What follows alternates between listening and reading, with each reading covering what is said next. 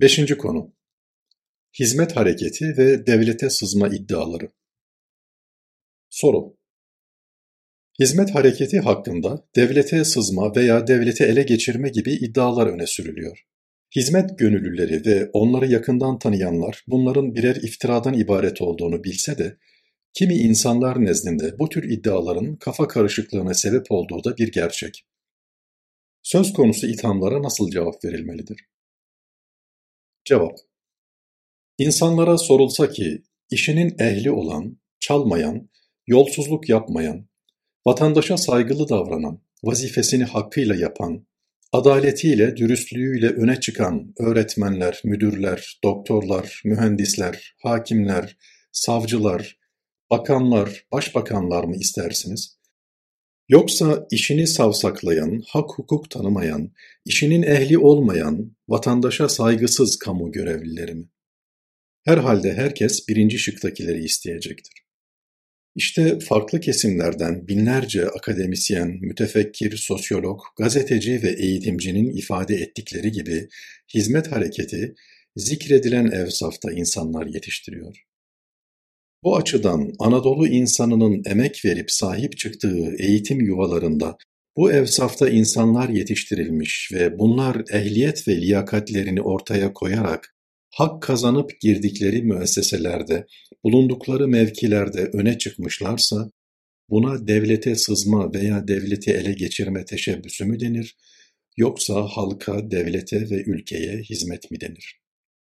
İkinci olarak, insanları ilme, ahlaka, maneviyata, hakiki dindarlığa çağırmak, din, ahlak, ilim ve maneviyat hizmeti vermek kimsenin tekelinde olmadığı gibi, kendisini Müslüman olarak gören insanlar için böyle bir vazife inandığı değerlerin bir gereğidir.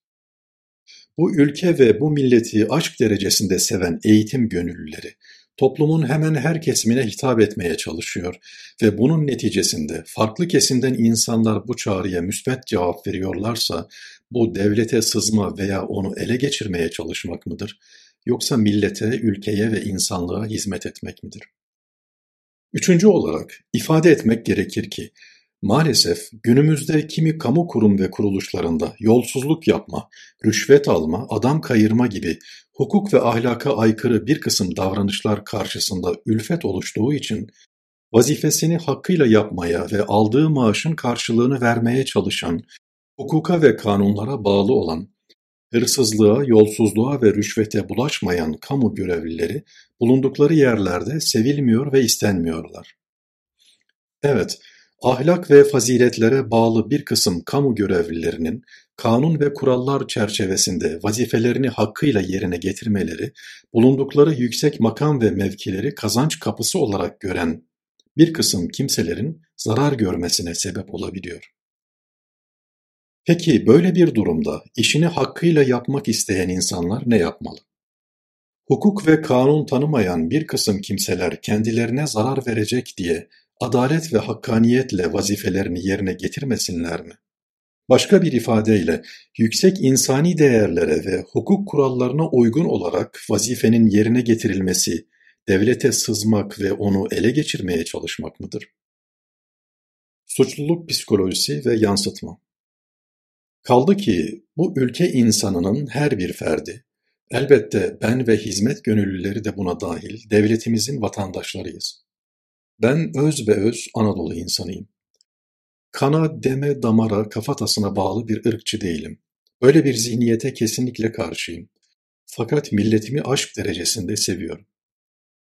Bu açıdan bir vatandaşın kendi memleketindeki müesseselere girmesi, başkalarını da girmeye teşvik etmesi nasıl sızma olarak yaftalanabilir?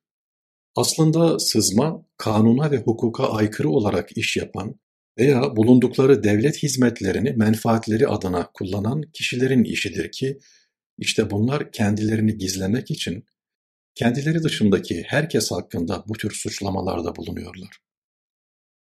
Evet, bu milletin her ferdinin gerekli ehliyet ve liyakate sahip olmak ve bunları ortaya koymak şartıyla elbette devletin bir kademesinde, bir kamu hizmetinde bulunma hakkı vardır. Ama bazıları şu veya bu yolla bu ülkenin kaderiyle alakalı çok önemli hayati yerleri tutmuş, gelip hipofiz bezine oturmuş, milletin görme sinir sistemini baskı altına almış ve milletin doğru görmesine engel olmuşlarsa, sizin davranışlarınızı, hareketlerinizi de paranoyayla, efendim bunlar sızmak istiyorlar diyerek yorumlar ve insanlara öyle göstermek isterler. Onlar bu paranoya ruh haliyle sızma meselesine öyle kilitlenmişlerdir ki, artık bir yerde kapının tokmağına dokunulsa, kapının zili çalsa sızma der, sızma ile oturur, sızma ile kalkar, sürekli bir sızma paranoyası yaşarlar. Hem hak hem sorumluluk.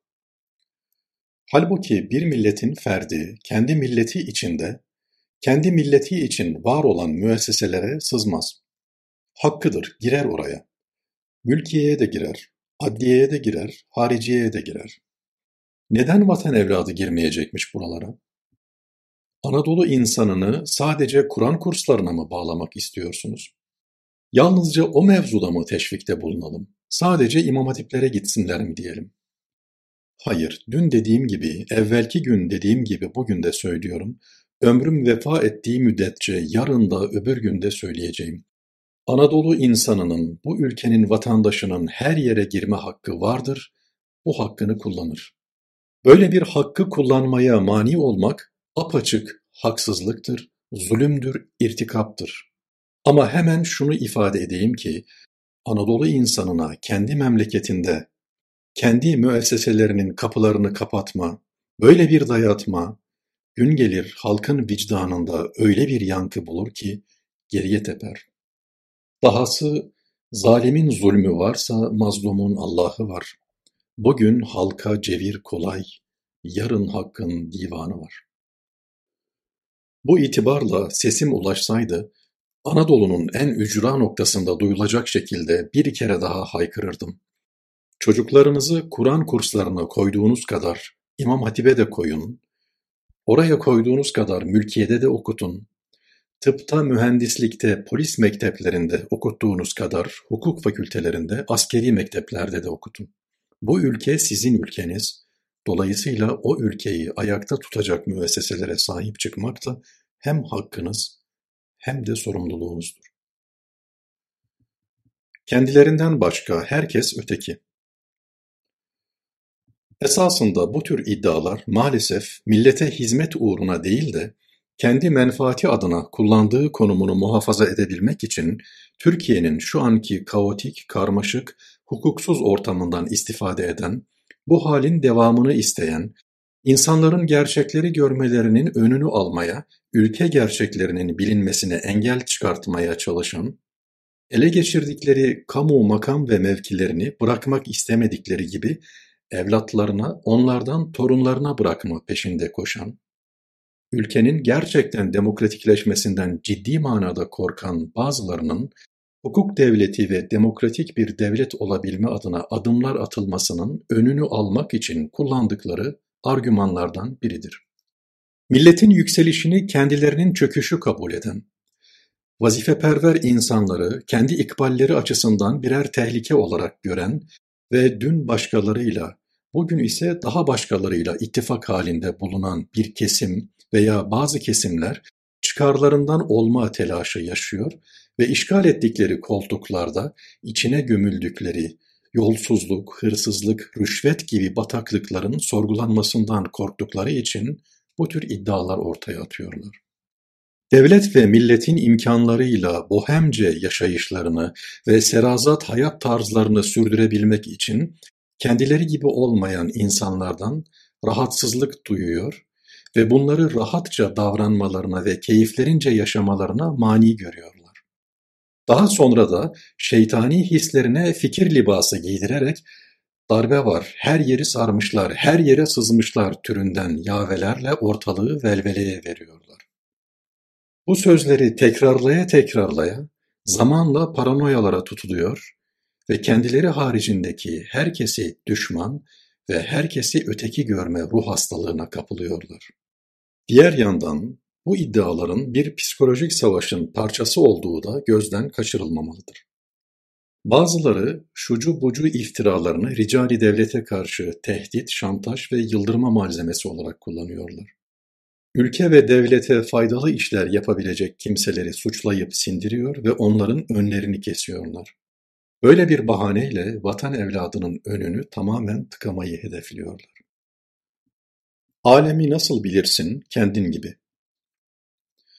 Bir kısım kimseler de var ki demokratik teamül ve kuralları ayaklar altına alarak ülkenin kan damarlarına, kılcallarına kadar girmiş ve halk üzerinde hakimiyet kurmuşlardır. Onlar bu uğurda meşru gayrimeşru ellerindeki bütün imkanı kullanmış, belli yerlere gizlice nüfuz etmiş ve ülkenin imkanları üzerine konmuşlardır. İşte bu tür insanlar çevrelerine hep kendi iç dünyaları adesesinden bakar, değişik hareket ve oluşumları, faaliyet ve kıpırdanmaları kendi yaptıklarına kıyas edip öyle değerlendirir ve neticede kendi levsiyatlarını başkalarında da tahayyül edip insanlarla muamelelerini bu anlayışa göre belirlerler. Kendileri gerçekten sızdıkları için ehliyet ve liyakatlerini ortaya koyarak idari kademelerde yer alan millet fertlerini de sızmakla suçlarlar. Hani bir hırsız bir dükkanın önünden geçerken kepenklerine bakar, o kepenklerin kolay bir şekilde nasıl açılacağı, kilidinin nasıl çözüleceği, hangi yollarla içeriye girilip daha sonra içerideki o malların nasıl hızlı bir şekilde boşaltılacağı gibi şeyleri düşünür. Yani oradan geçerken daha başta göz hırsızlığıyla yapacağı hırsızlığın zeminini hazırlar, onun kurgusuyla meşgul olur. Bu arada dükkan sahibi de dükkanını kapatıp evine giderken geriye dönüp bakar ve gözleri kepenklerin üzerinde muhtemel bir hırsızlığa karşı gerekli tedbirleri alıp almadığının, kilidin yeterince güvenli olup olmadığının muhasebesini yapar. Bu durumu gören ve o şahsın dükkan sahibi olduğunu bilmeyen hırsız ise onu kendine kıyas edip bu da bizim tayfadan der. Bu misalde olduğu üzere birileri kırk haramiler gibi milletin mukadderatı üzerine oturmuş, önemli müesseselere nüfuz etmiş ve oraları ele geçirerek kendi aralarında paylaşmışlarsa, gayet masum düşüncelerle ve insani faziletlerin ilası istikametinde koşturup duran insanları da kendileri gibi değerlendirir, onlara da aynı gözle bakarlar. Halbuki o adanmış ruhlar son derece masum düşüncelerle hareket etmektedirler. Öyle ki onlar makam, mansıp, iktidar gibi dünyevi arzu ve hevesleri rüyalarında dahi görmemişlerdir. İnsanın uzak durduğu, istemediği halleri rüyasında görmesi mümkündür. Fakat onlar o türlü arzu ve heveslerden öylesine uzak bulunmaktadırlar ki, bazı rüyalar şuur altı müktesebatının bir yansıması olsa da, onların şuur altında böylesi mülahazalar bulunmadığından o türlü düşünceler onların rüyalarında dahi kendilerine yer bulamamaktadır. Ama bir kısım insanlar hep o rüya ve hülyalarla oturup kalktığından masum insanları da kendi bakış açılarına göre değerlendirmekte, kendi bakış açılarına göre yorumlamakta ve neticede değişik iftira ve karalamalarla onların önünü kesmeye çalışmaktadırlar.